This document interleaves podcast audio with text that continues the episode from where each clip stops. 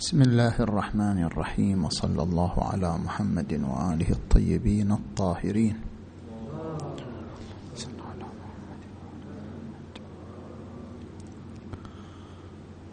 المحاضرة بعنوان الصدر بين المنطق الصوري والمنطق الاستقرائي حيث إن السيد الشهيد قدس سره اختلف نظره بين كتاب فلسفتنا وكتابه الأسس المنطقية للاستقراء. فهو انتقل من إطار المنطق الصوري إلى إطار المنطق الاستقرائي.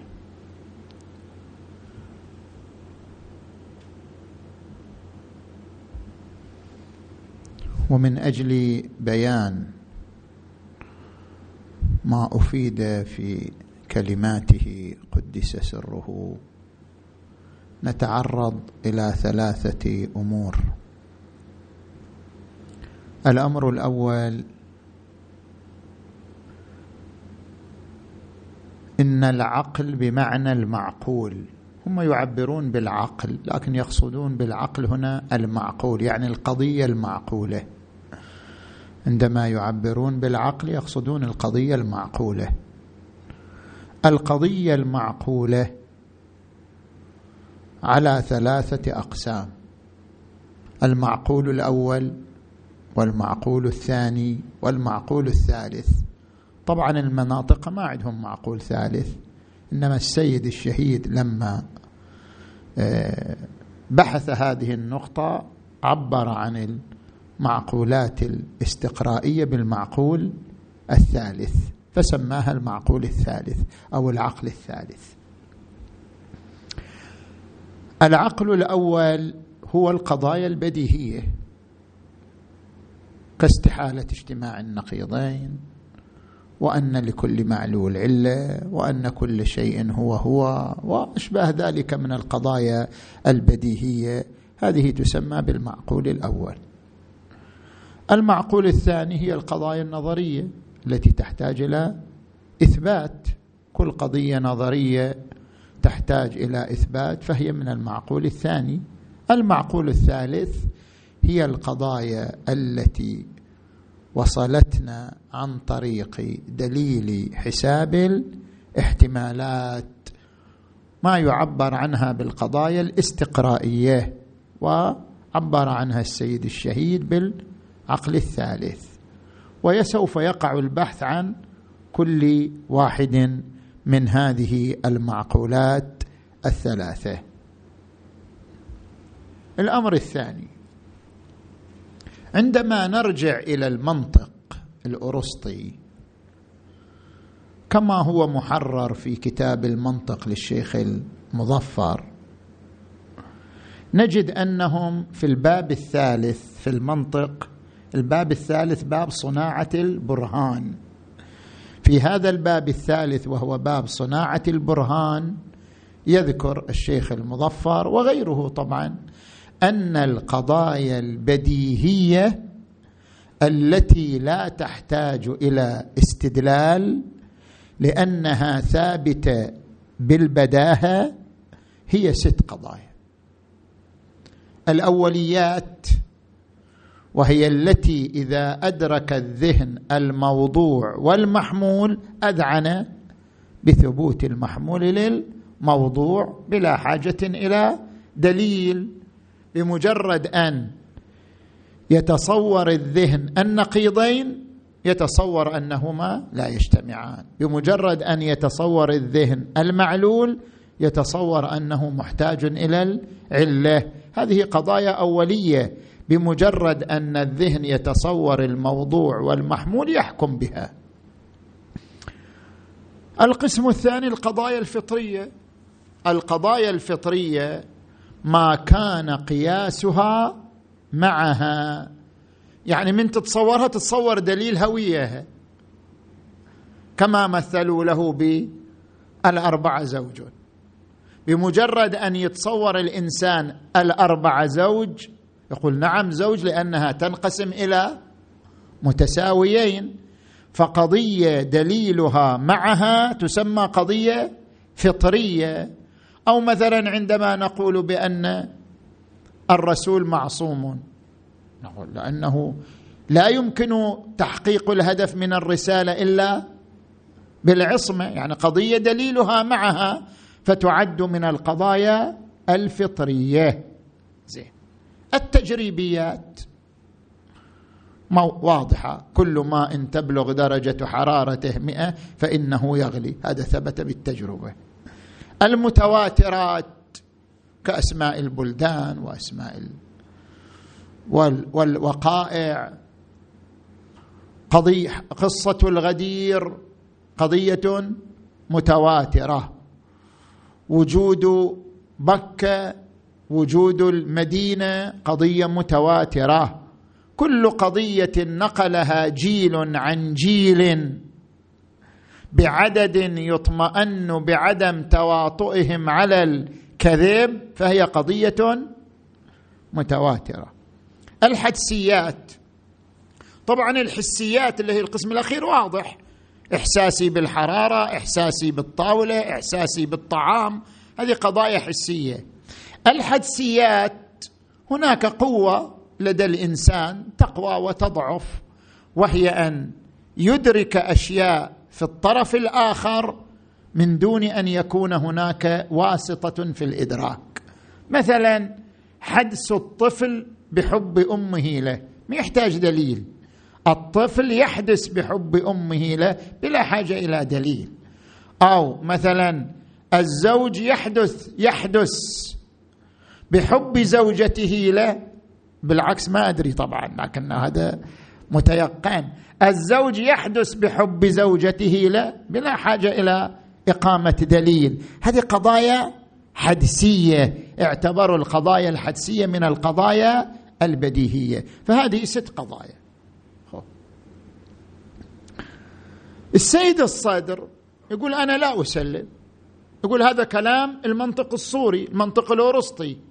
بس أنا لا أسلم إلا بالقسمين الأولين. الأوليات والفطريات. القضايا البديهية فقط الأوليات والفطريات. ما بعدها؟ كل القضايا الأربع التي بعدها وهي التجريبيات والمتواترات والحدسيات والحسيات إنما يدركها الإنسان اعتمادا على دليل حساب الاحتمالات. يعني هي قضايا شنو؟ نظرية وليست قضايا ضرورية لأن إدراك الإنسان لها وإذعان الإنسان بها يعتمد على دليل حساب الاحتمالات. اذا الذي لا يحتاج إدراكه إلى دليل حساب الاحتمالات خصوص القسمين الأولين ألا وهما الأوليات والفطريات ما سواها لا. والصحيح اختصاصها بالقسمين الأولين واعتماد إدراك الباقي على دليل حساب الاحتمالات ويتضح ذلك. طيب شنو دليلك أيها السيد الصدق قاعد تخالف منطق من أيام أرسطو إلى الآن ومر عليه ثلاثة آلاف سنة. يقول أنا أجيب أناقش فقط في الحسيات ويتضح الكلام في البقية. يعني أوضح القضايا الاربع هي القضايا الحسية إحساسي بالحرارة. ما في مشكلة. إحساسي بالحرارة إحساسي بالطاولة. أوضح القضايا الأربع هي القضايا الحسية. ومع ذلك سأقيم البرهان على أن القضايا الحسية ليست قضايا بديهية وليست قضايا نظرية وبذلك سيتضح الكلام في بقية القضايا الأربع. خش نجي إلى الأمر الثالث. القضايا الحسية نوعان لأن الحس إما داخلي وإما خارجي. وبعبارة أخرى إما وجدان وإما قضايا محسوسة. يعني الآن مثلا إحساسي بالجوع إحساسي بالفرح إحساسي بالحزن إحساسي بإحساسي. أنا أحس بالحرارة وأشعر أنني أشعر بالحرارة. هذه كلها تسمى قضايا شنو؟ وجدانية. الحس فيها حس داخلي. ليش نسميه حس داخلي؟ لأن المحسوس أساسا هو أمر داخلي وليس امرا خارج النفس. الجوع والعطش والفرح والحزن هي أمور منتقشة في داخل النفس فالمحسوس في داخل النفس. لذلك نعبر عن الحس بانه داخلي ونعتبر هذه القضايا من العلم الحضوري لا من العلم الحصولي لأن ما في واسطة بين العلم والمعلوم. علمي بها نفس وجودها في نفسي مو في شيء آخر. فلا واسطه بين الإدراك والمدرك. لا واسطه بين العلم والمعلوم. المدرك المعلوم. حاضر بنفسه لدى العالم. لذلك هذه تعتبر شنو؟ تعتبر من العلم الحضوري. زين. بينما النوع الثاني هو الحس الخارجي الذي هو من قبيل العلم الحصولي. أحسست بالحرارة؟ حالا ارتسمت صورة للحرارة في ذهني. فأنا علمي بالحرارة عن طريق صورة ارتسمت في ذهني. فلوجود واسطة بين العلم والمعلوم سمي علما حصوليا. خش ولا شك في أن الأول وهو الحس الداخلي من الأوليات. ما عندنا كلام. لحضور نفس المدرك بالإدراك. حضر بنفس المدرك بعد. في أعظم من هذا؟ يعني شو تريد إدراك أعظم من هذا؟ أن المدرك بنفسه حاضر. فعلمك بنفسك وعلمك بأحاسيسك كلها من العلم الحضوري. اذا هي من القضايا الأولية التي لا تحتاج إلى دليل المعلوم حضر بنفسه. الكلام في الحس الثاني وأما الثاني وهو القضايا الحسية الخارجية ففي طريقة إدراكه توجد نظريات. طبعا إحنا لازم نستبعد شنو؟ السفسطة. لأن السفسطة أصلا ما تؤمن بوجود شيء. تقول صحيح انت تحس بس ما في دليل على أن في شيء محسوس. تسلم بوجود الحس الذي هو العلم الحضوري ولا تسلم بوجود المحسوس الذي هو العلم الحصولي. ف... فالكلام ليس الآن مع السفسطائيين. إذا تناقش سفسطائي أعطيه إطراق بس وخلاص كافي. هو بعدين سيؤمن بالواقع. ما يحتاج إلى شيء آخر. فاحنا كلامنا مع غير السفسطة. يعني من يؤمن بوجود واقع. من يؤمن بوجود واقع هو كلامنا معه الآن. بعد التسليم بوجود واقع موضوعي خلافا للسفسطة. في القضايا الحسية الخارجية اللي فيها حس محسوس فيها ثلاث نظريات. طبعا ثلاث نظريات غير نظرية السيد الصدر يعني ثلاث نظريات موجودة عند الفلاسفة الآخرين غير نظريته هو التي سيذكرها أخيرا زين. النظريات الثلاث.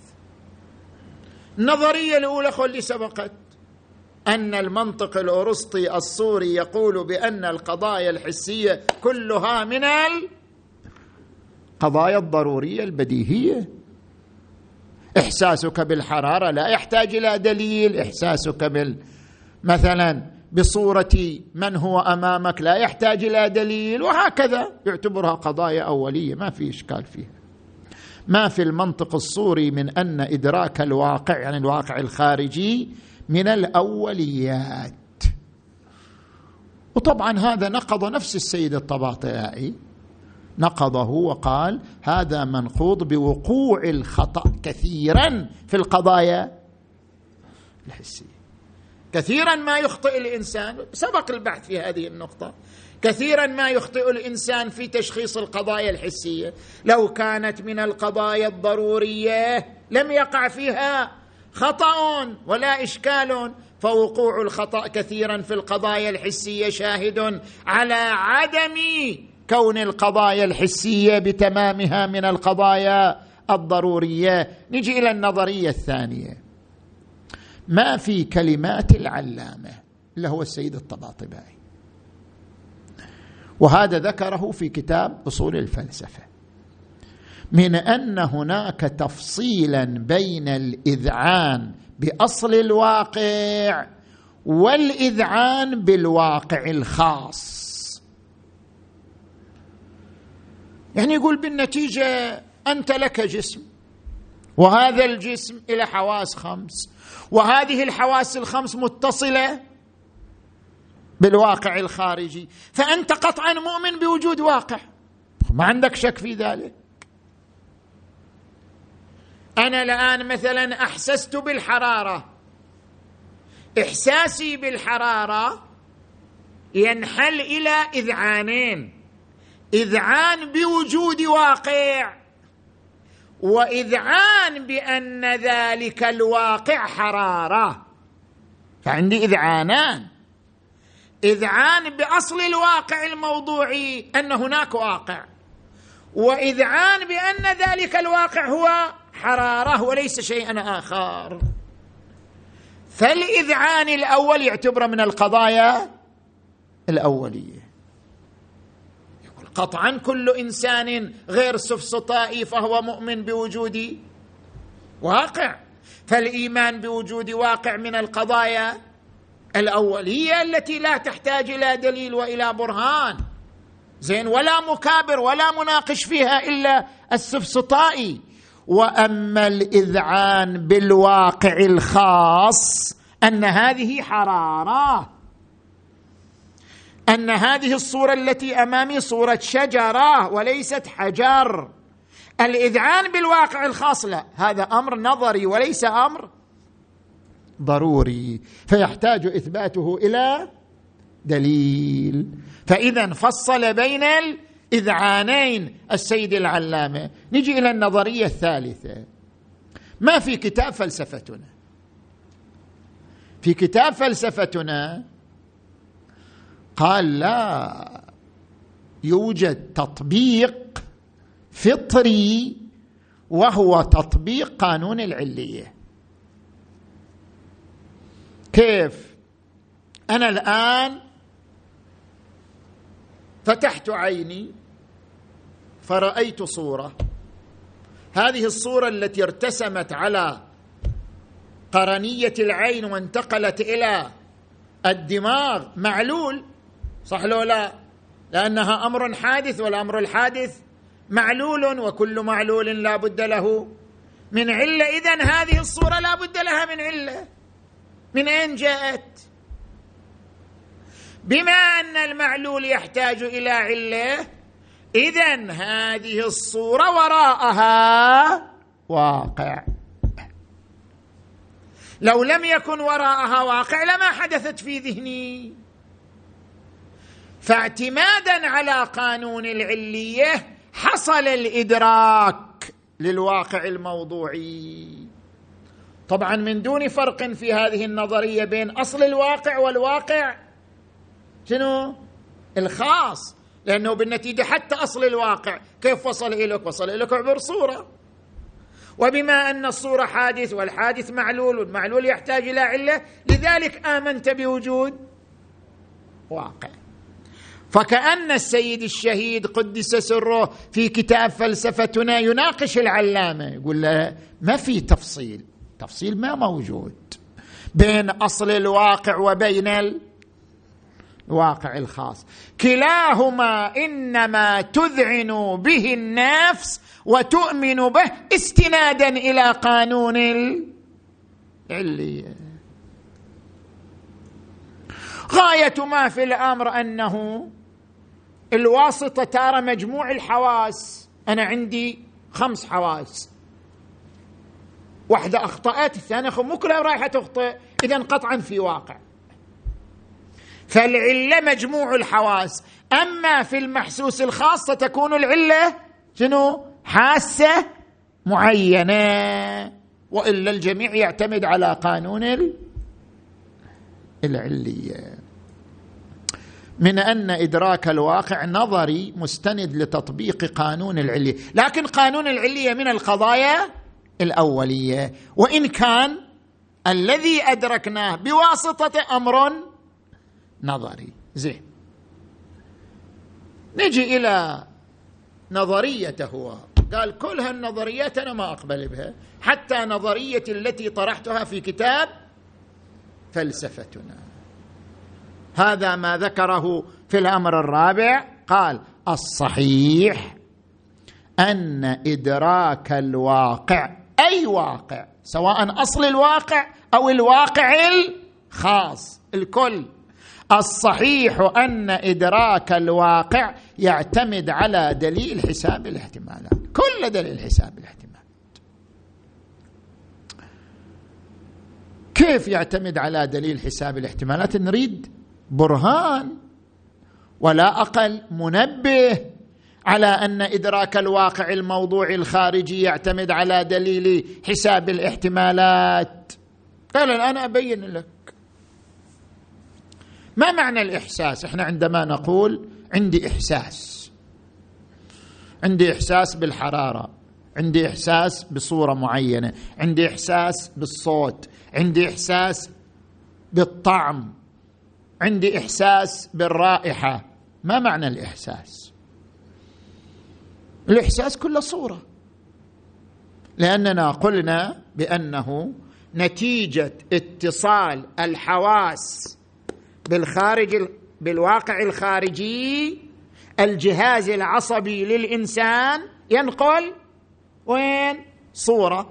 سميناها الصورة الحسية سميناها قوة الحس بعدين يجي القوة المتخيلة بعدين يجي القوة العاقلة.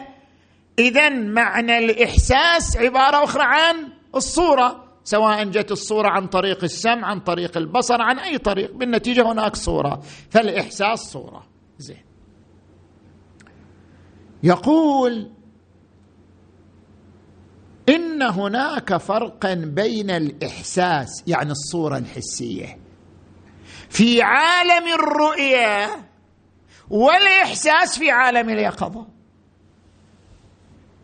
في عالم الرؤيه الإنسان نائم. وشوف صور مختلفة. أكو ناس يدري أنه في الرؤيه وأكو ناس شنو؟ ما يدري أنه في الرؤيه صح؟ الحمد لله. أنا من الناس اللي أعرف أنني في رؤيه لو مو في رؤيه ولذلك إذا شفت رؤيه مفزعه أقول بعد شوية بتنتهي إن شاء الله. فالإحساس هو واحد. إحساس بأنك في عالم الرؤية أو الإحساس بأنك في عالم اليقظة. الإحساس واحد صورة. أنت تشوف صورة. صورة مرتسمة في ذهنك مو أكثر من ذلك. فلو فتشنا عن الفرق بين العالمين شنو؟ مع أن كليهما من حيث الإحساس واحد. لأن كليهما من حيث الإحساس صورة. الفرق أن هناك يقين عندي. سد سد. مئة بالمئة. أن لا واقع للإحساس الأول وهو الإحساس في عالم الرؤية. قطعا عندي يقين بأم المئة أن هذا ليس له واقع. هذا صور مرتسمة في ذهني خصوصا إذا ماكل كبسة ونايم و... ولا هالأطعمة المتخمة ونام عليها خب بعد ذاك ذيك الليلة الأحلام أحلام. أوه أنواع وأشكال. زين؟ فأنا أقطع بأن هذه الصور الحسية ليس لها واقع. بينما الصور الحسية اللي في عالم اليقظه أنا قاعد الآن في الحسينية وقاعد أتكلم وقاعد أشوف الأصدقاء. هذه ما أقول ما عندي قد يكون عندي يقين بها قد لا يكون. ولكن ليس عندي يقين بعدمها كما في الأولى. في الأولى عندي يقين بعدمها في الثانية ليس عندي يقين بعدمها. زين. مع أن الإحساس وهو انطباع الصورة واحد فيهما. مما يشهد بنفي كون المدرك من الأوليات. مو تقول القضايا الحسية من الأوليات. القضايا الحسية من الأوليات يعني الصور المحسوسة من الأوليات. كيف تكون الصور المحسوسة من الأوليات وأنا أقطع؟ بأن الصور الحسية عن طريق الرؤيه بلا واقع. فقطعي بأنه لا واقع لهذه الصور الحسية التي أراها عن طريق الرؤيه بنفسه شاهد على أن المدرك الحسي بما هو حسي ليس من الأوليات. يعني بما هو صورة لا يعد من الأوليات. وإنما يتم إدراك الواقع. بينما في الثاني قد أتيقن بالواقع. أتيقن قطعا أمامي طاولة. من وين حصل لك اليقين؟ مع أن صورة الطاولة قد تجيك في عالم الرؤيه نفسها. وهناك تقطع بأن لا واقع لها. شلون هنا حصل لك واقع؟ يقول واضح بعد. عن دليل حساب الاحتمالات العقل يجمع يجمع القرائن ويجمع الشواهد ثم يصل إلى حد اليقين أنها طاولة. وليس الذي أمامي مثلا فرد نعش أصلي عليه مثلا. أمامي طاولة وليس نعشا إنما أصل إلى الإذعان بهذا عن طريق دليل حساب الاحتمالات. وإن كان مرور الذهن بالاحتمالات مرورا سريعا لحظيا لا يتحسس الإنسان. الإنسان ما يدرك كيف الذهن بهالسرعة يجمع الاحتمالات والقرائن ويستنتج منها اليقين بوجود الطاولة. مرور سريع للذهن لكن مع ذلك هو دليل حساب الاحتمالات. وإنما يتم إدراك الواقع في الثاني بجمع العقل للقرائن والمحتملات من دون فرق بين الإذعان بأصل الواقع أو تفاصيل الواقع. ما في فرق حتى أصل الواقع. هذا الطفل أو الجنين خلينا نقول. هذا الجنين منذ أن بدأت القوة العاقلة تتحرك عنده الجنين. أدرك أن في واقع وهو أنه في بطن امه في مكان. أدرك أنه في مكان. أول ما يدركه الإنسان من الواقع أنه في مكان في بطن امه هذا أول ما يدركه. إدراكه لهذا الواقع الذي هو أصل الواقع أيضا جاء عن طريق دليل. حساب الاحتمالات. واحد يقول شلون هذا الجنين؟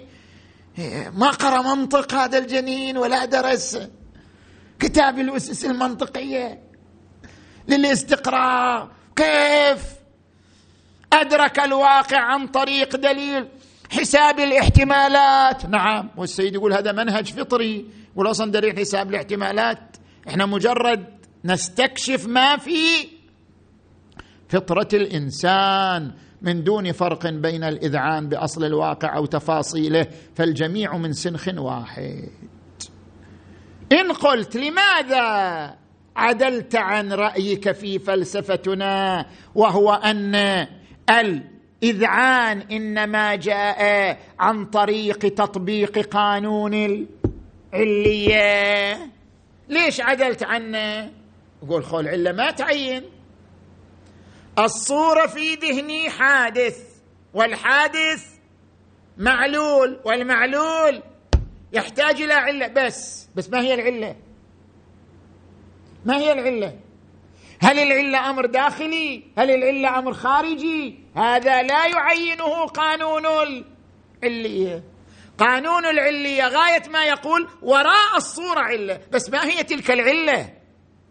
هل هي من داخل النفس؟ هل هي من خارج النفس؟ هل تعني أن هناك واقع؟ وهل ذلك الواقع واقع خاص؟ كل هذا لا يتكفل بتحديده قانون العلية. فالاستناد إلى قانون العلية لا يجدي في الإذعان بوجود واقع موضوعي. كما أن قانون العلية إنما يقتضي, وجود علة. عله وأما كون العلة داخلية لعله النفس نقشت ذلك. مثل ما تنقش في عالم في عالم الرؤيا كل الصور اللي في عالم الرؤيا علتها داخلية ومو خارجية. أما كون هذه العلة داخلية أو كون هذه العلة شنو؟ خارجية فلا يتكفل بتحديده قانون العلية. ونحن قد سبق بينا أن قوة المتخيلة تاخذ الصور تخليها في الخزانة وبعدين في عالم الخزانة تجي قوة الخيال وتتصرف. اذا بالنتيجة من المحتمل أن قوة الخيال هي التي صاغت كل هذه الصور. من اين نثبت أن وراء الصور واقعا موضوعيا؟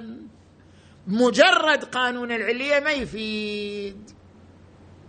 إذا تلخص من ذلك أن الممون الوحيد الممون الوحيد للقضايا الحسية بمعنى الحس الخارجي التي من خلالها ندرك أن هناك واقعا موضوعيا هو دليل حساب الاحتمالات. فإذا تم ذلك في القضايا الحسية وهي أوضاح.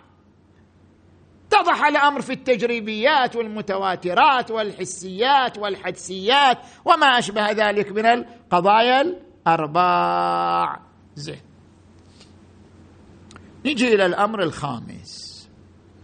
كل ما مضى كان كلاما حول العقل الأول. اللي قال المنطق الصوري هو ست سيد الصدر قال هو اثنين. الآن جئنا إلى العقل الثاني يعني القضايا النظرية المستنبطة من القضايا الأولية. القضايا النظرية طبعا حسية وعقلية الآن إحنا ما نتكلم في خصوص الحسية حسية عقلية ما يخصنا بالنتيجة هي قضايا نظريه زين. نرجع إلى المنطق الصوري إيش قال المنطق الصوري في المعقول الثاني؟ قال المنطق الصوري قضيتين. تفتح منطق المظفر تشوف القضيتين واضحتين في باب القياس والاستدلال. القضية الأولى أن القضايا الأولية مضمونة الحقانية.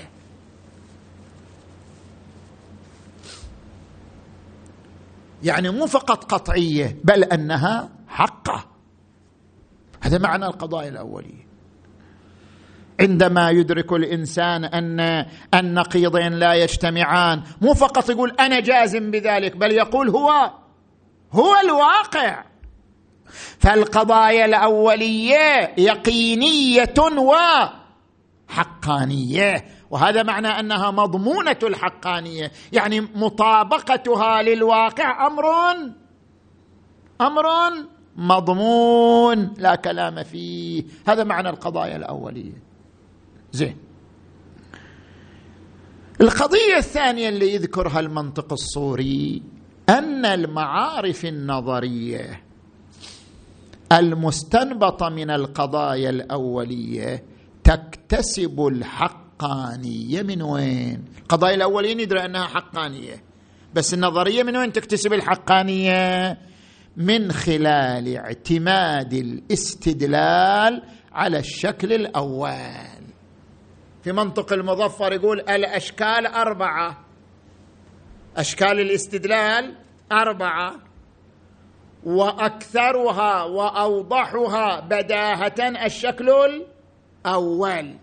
فإحنا الآن نركز على الشكل الأول لأنه الطريق البديهي في مجال الاستدلال.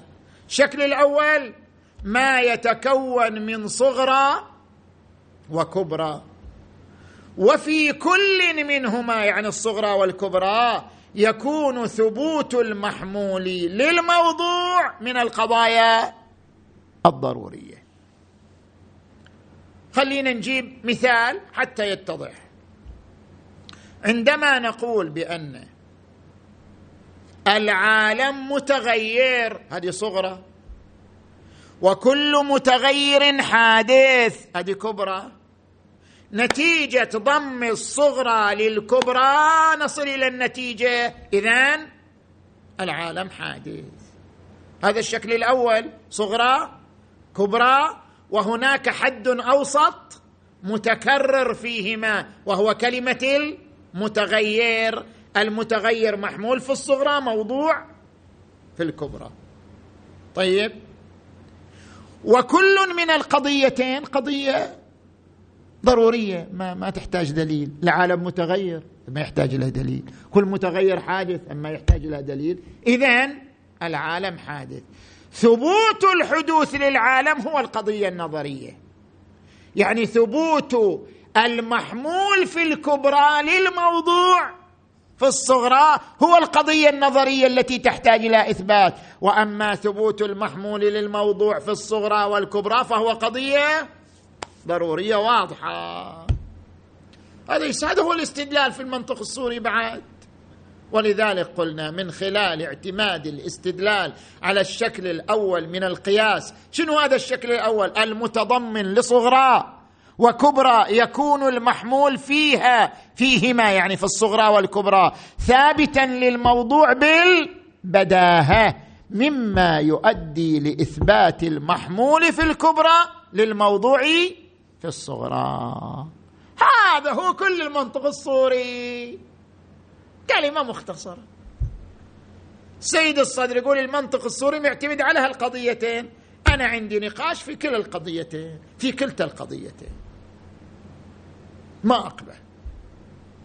طيب ما هو النقاش؟ نجي إلى القضية الأولى. التأمل في القضية الأولى. زين. القضية الأولى شنو كانت؟ كل قضية أولية فهي مضمونة الحقانية. هذه القضية الأولى. قال لا مو معلوم. لا تلازم بين كون القضية أولية وكونها مضمونة الحقانية. ما في ملازمة. لأن معنى معنى كون القضية أولية يعني ما تحتاج إلى دليل. هذا معنى كون القضية أولية. القضية أولية يعني ما تحتاج إلى دليل. ما تحتاج إلى دليل شيء وأنها مضمونة أنها واقع. هذا شيء آخر. ما في ملازمة بين الأمرين. قضية أولية لا تحتاج إلى دليل أما أنها مضمونة الحقانية لا مو معلوم. مو معلوم. كيف يا سيدنا؟ يقول الآن أنا أجيب لك أوضح القضايا الأولية. ها؟ أضربها.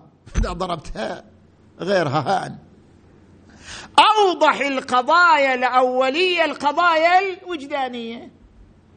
بعد ما في أوضح منها. شعوري بنفسي في أوضح من هذا؟ شعوري بأحاسيسي شعوري بشعوري. ما في أوضح من القضايا الوجدانية. أوضح القضايا الأولية التي لا تحتاج إلى استدلال هي القضايا الوجدانية. هذه أضربها. خلاص غيرها يتضح الكلام فيه. نجي إلى القضايا الوجدانية. يقول القضايا الوجدانية مع أن المدرك حاضر بنفسه. لدى المدرك. المدرك حاضر لدى المدرك بنفسه.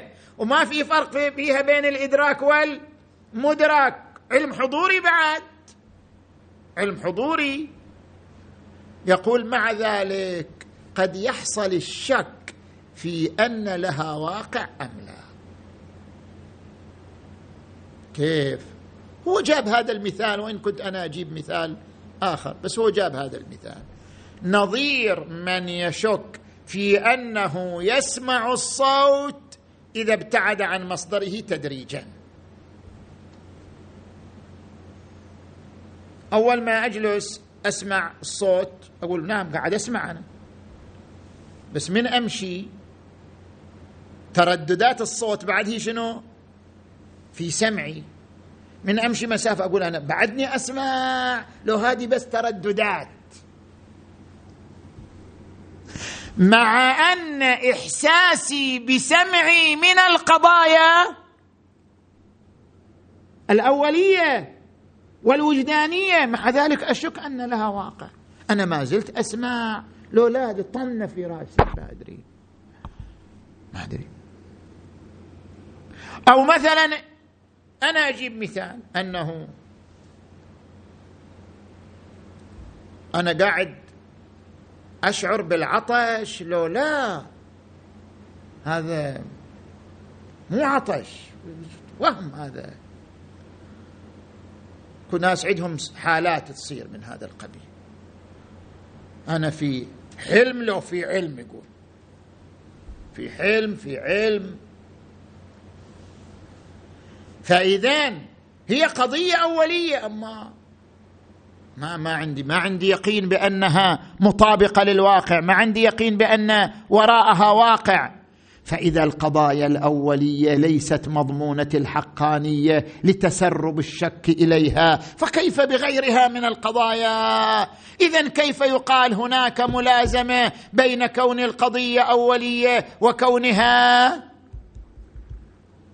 مضمونة الحقانية.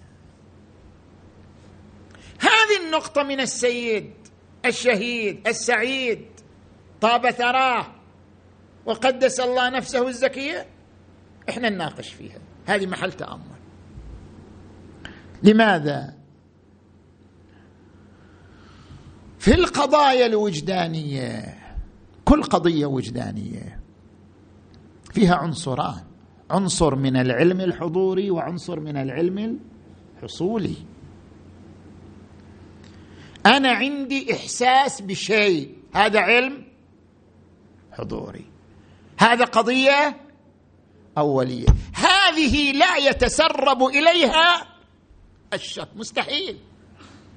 تسرب الشك إليها يعني انتفاء كونها قضية أولية. قاعد أحس بعد شنو قاعد أدري. هذا لا يتصور فيه الشك. أني أحس. هذا علم حضوري. لا يعقل الشك مع حضور المعلوم بنفسه. لدى العالم ما يعقل.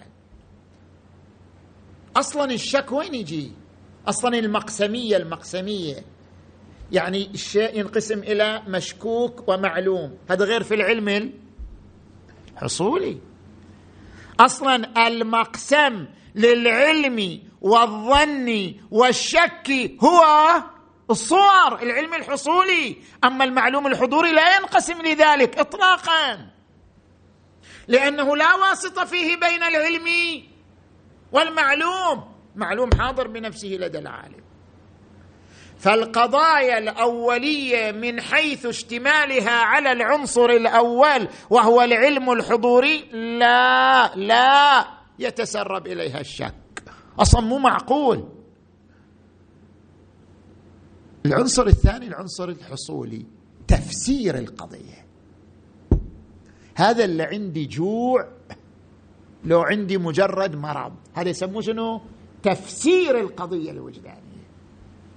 انتقل إلى العلم الحصولي صار العلم الحضوري مادة للعلم الحصولي صار المعلوم الحضوري مادة للتفكير.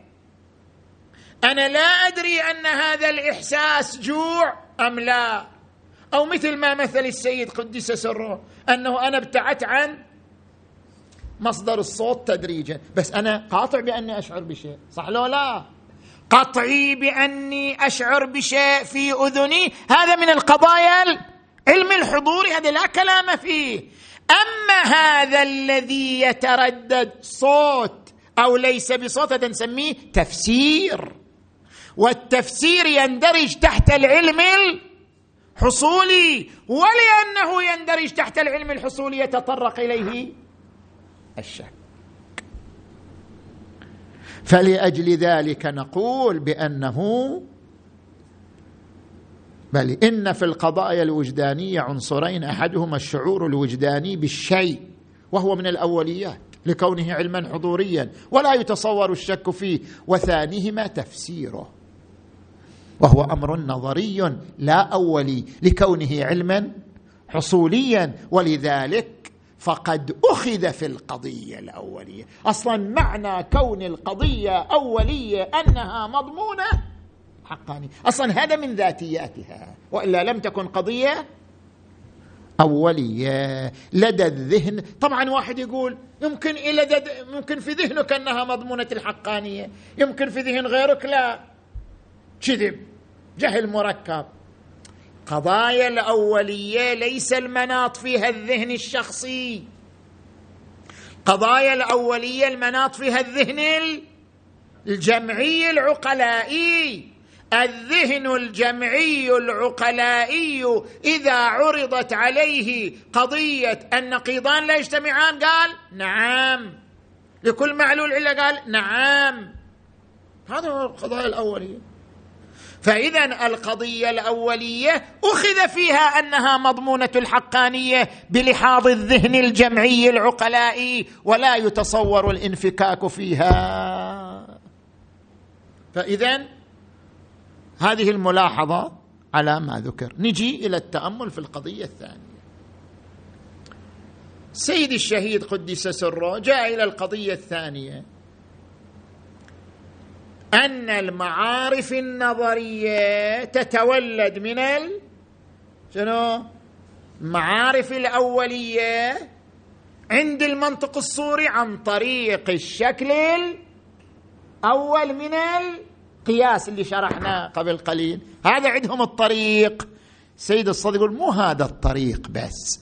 مو هذا الطريق بس. لاحظوا عبارتي. لأن البعض يشرح مطلب أو يشرح نظر السيد الصدر أن السيد الصدر ألغى المنطق الصوري. لا هو ما ألغى المنطق الصوري. هو يقول مضافا للمنطق الصوري هناك عقل ثالث لا يمكن إدراكه بالمنطق الصوري. لأنه يلغي المنطق الصوري وإنما يقول المنطق الصوري قاصر عن إدراك كل المعقولات زين. لذلك تولد المعارف النظرية من المعارف الأولية بأحد نحوين. النحو الأول ما يبتني على التلازم الموضوعي بين متعلق المعرفتين. كالملازمة بين التغير والحدوث. هذا النحو الأول.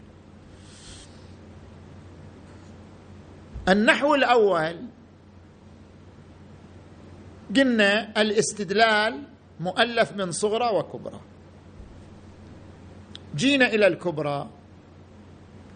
شفنا الكبرى مؤلفة من موضوع ومحمول جينا نبحث. نقول هل بين الموضوع والمحمول في الكبرى تلازم موضوعي؟ يعني بينهما ملازمه عقلية؟ أو لا إنما ثبت الموضوع للمحمول بالتضمن لا بالتلازم. خل أنا أذكر قضيتين حتى يتضح. مقصوده قدس سره. الآن من نجي إلى هذه القضية. العالم متغير كل متغير حادث. قبل ما نروح للنتيجة نسأل كيف قلت كل متغير حادث؟ شنو دليلك على أن كل متغير حادث؟ أنت تقول كل كل. كيف قلت كل؟ من أين أتيت بالكلية؟ كيف تثبت أن كل متغير حادث؟ تقول بالملازمة العقلية. هناك ملازمة عقلية بين طبيعي التغير وطبيعي حدوث. ما يعقل يصير تغير بدون حدوث؟ لو كان لو كان ازليا لكان ثابتا. لا يعقل أن يكون متغير وهو أزلي. معقول. التغير يعني أكو شيء نقله من حالة إلى حالة. فالتغير مساوق للحدوث. فأكو ملازمة بين الموضوع والمحمول لأن هناك ملازمة بين طبيعي الموضوع وهو التغير وطبيعي المحمول وهو الحدوث لوجود الملازمة. قلت أنا بلا شك كل متغير حادث. هذا يسموه تلازم موضوعي. إذا الكبرى فيها تلازم موضوعي بين الموضوع والمحمول نقبل المنطق الصوري خلاص. عالم متغير صح؟ وإحنا عندنا ملازمة معروفة بين التغير والحدوث. اذا العالم حادث. نقبل المنطق الصوري في هذا الفرض أن يكون بين الموضوع والمحمول في الكبرى ملازمة عقلية.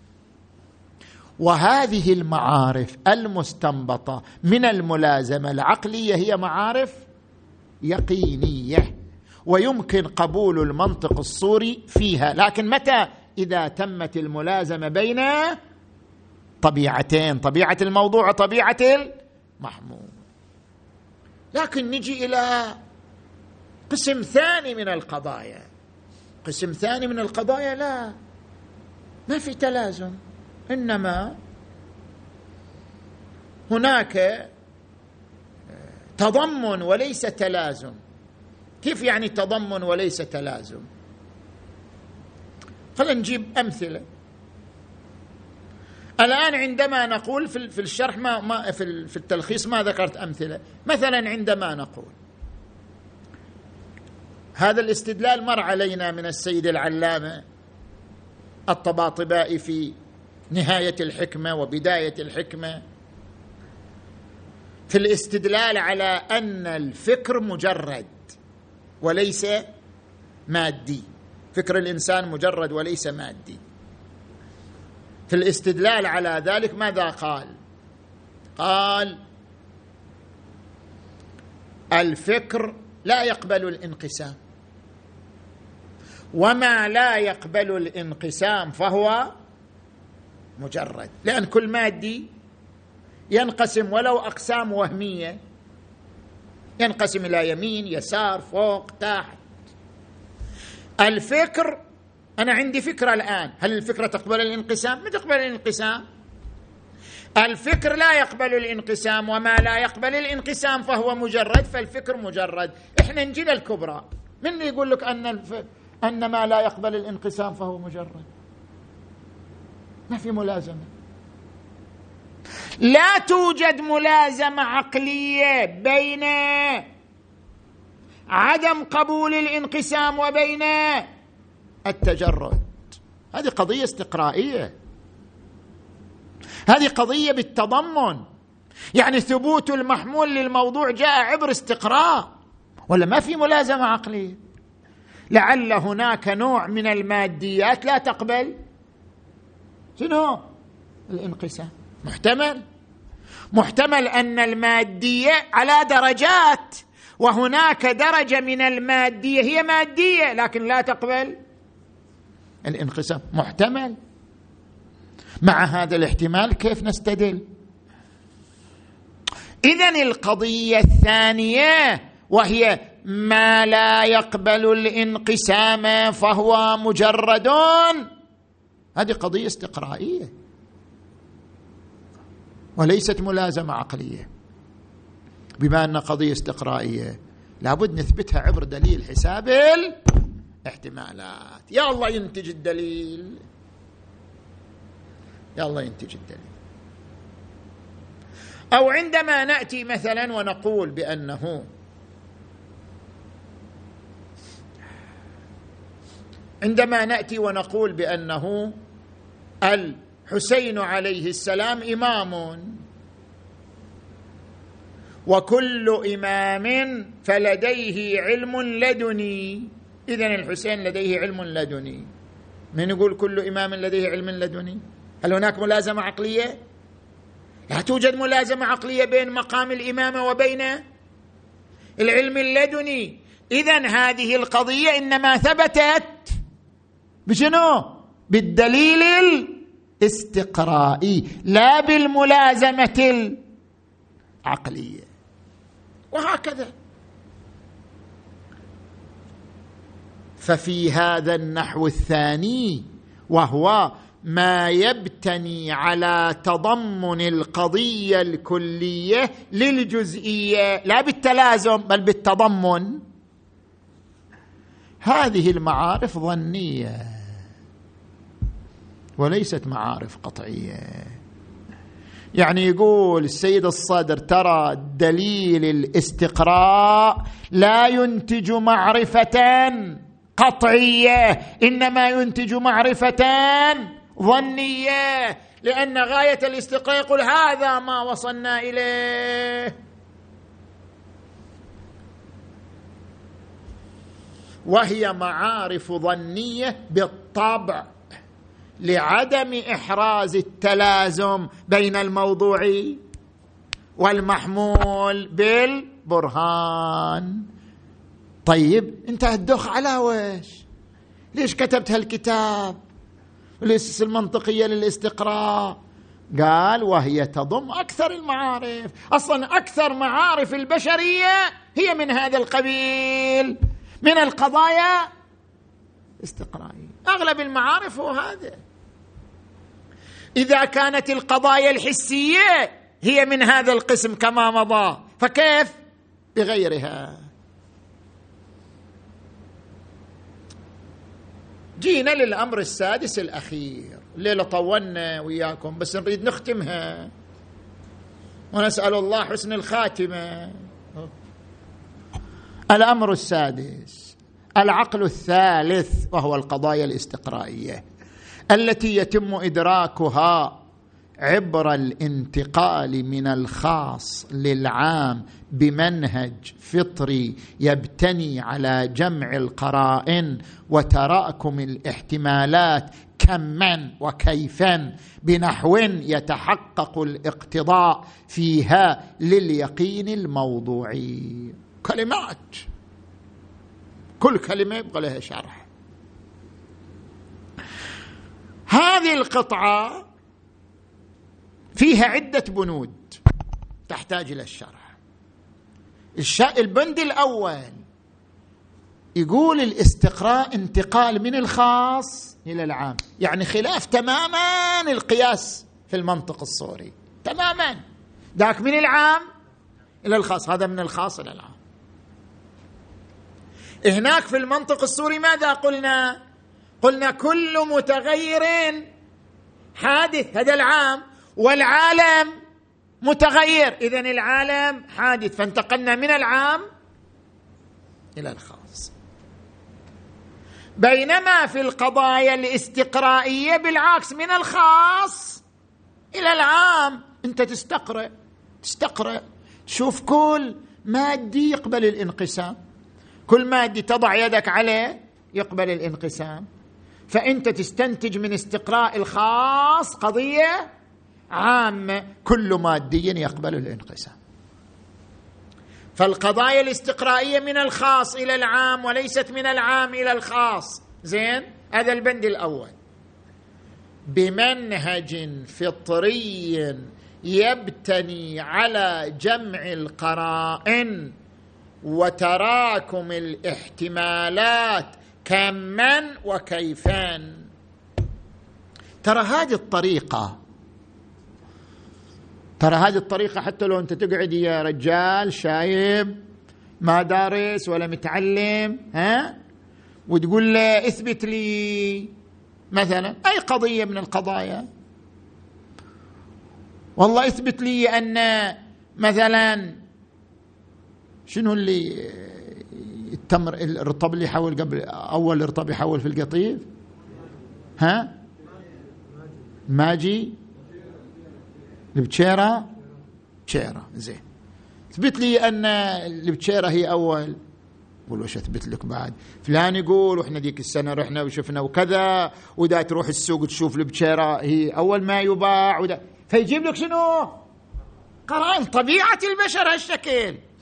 طبع المنهج الفطري لدى الإنسان عند الاستدلال لإثبات قضية جمع قرائن وتراكم الاحتمالات التي تؤدي للوصول إلى اليقين. هذا منهج فطري عند الإنسان يحتاج تعليم. طيب؟ يبتني على جمع القرائن وتراكم الاحتمالات. كما وكيفا؟ ليش قلنا كيفا؟ لابد من انضمام عوامل الكيفيه وإلا ما يصير. خل أجيب لك الآن مثال واضح. الآن نحن نقول أن القرآن الكريم هو معجزة النبي صلى الله عليه وآله. هو الدليل على نبوة النبي القرآن الكريم. كيف؟ نقول طبعا. نجي إلى هذا القرآن. ما بين الدفتين كما وصل إلينا. ما ندري هذا القرآن صادر من الله أو لا. نجمع. نجمع القرائن. هذا القرآن يحتوي على بلاغة أدبية فاقت مستوى الأدباء والشعراء في زمانه. هذا الاحتمال اعطانا أعطانا نسبة الصدق عشرة في المئة مثلا. خمسة عشر في المئة. جينا الاحتمال الثاني.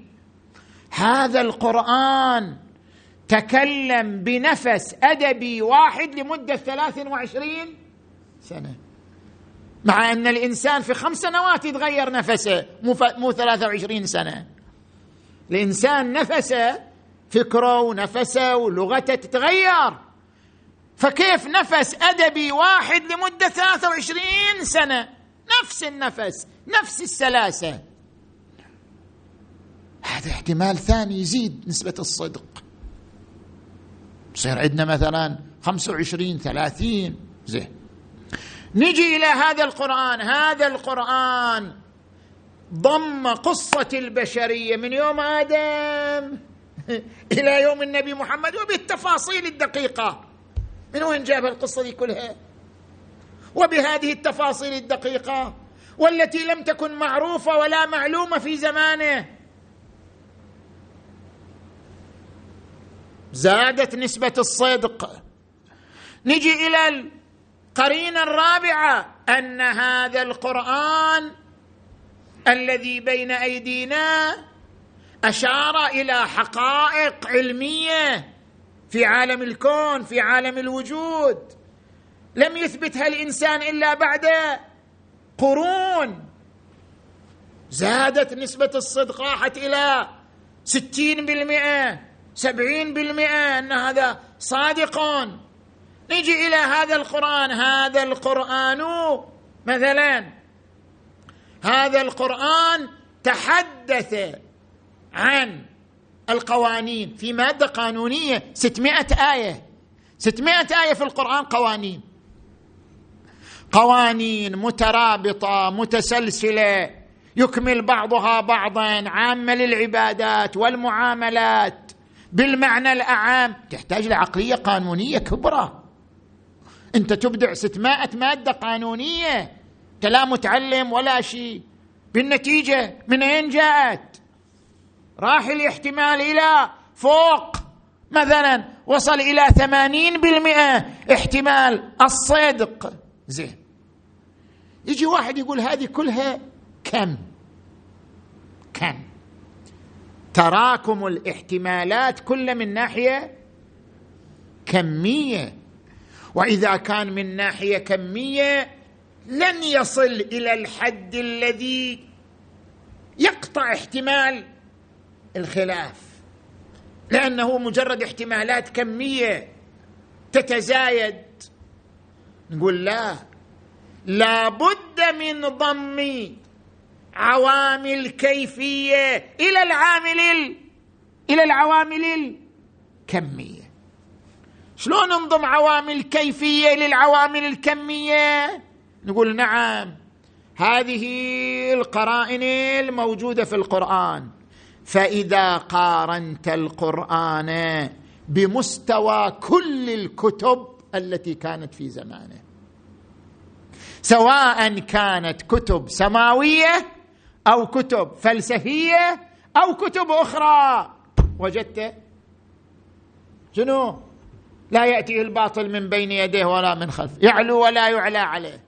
وإذا قارنت هذه المعطيات الموجودة في القرآن مع شخصية النبي.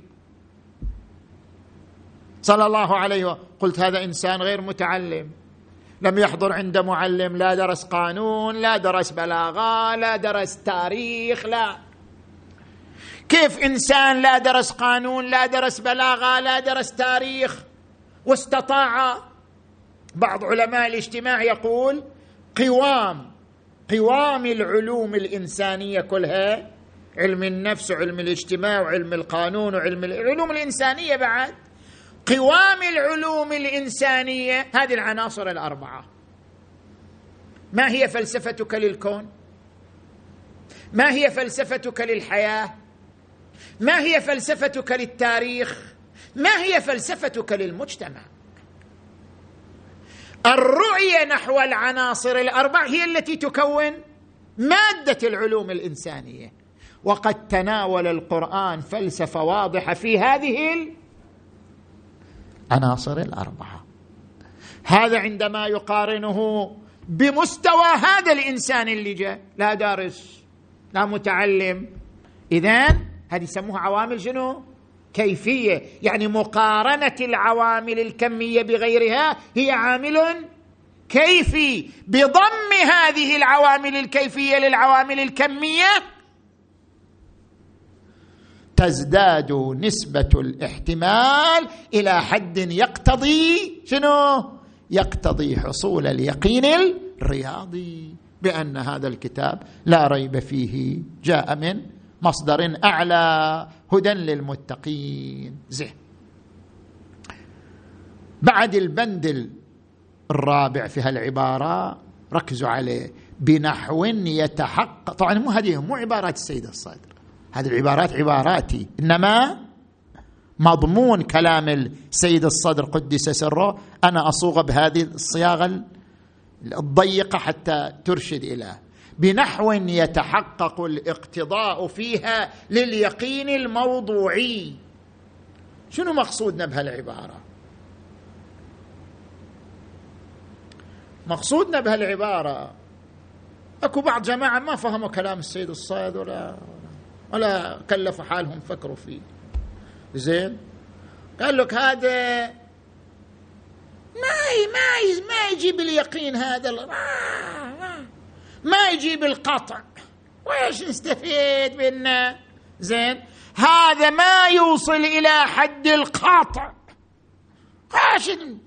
شلون نعتبره دليل وهو لا يصل إلى حد القاطع وما زلنا نحتمل ولو ولو صفر من ألف صفر من فاصلة من كذا. النتيجة نحتمل.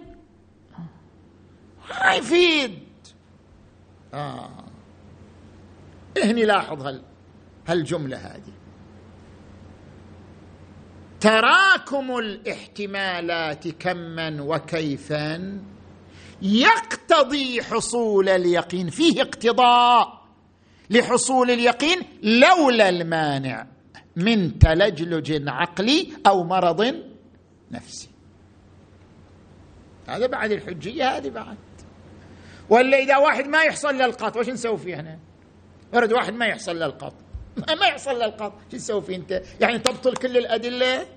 كل ما تجيب له دليل عن وجود الله سواء من الأدلة المنطقية الفلسفية العلمية ما عندي قطع ما حصل لي قط وش أسوي؟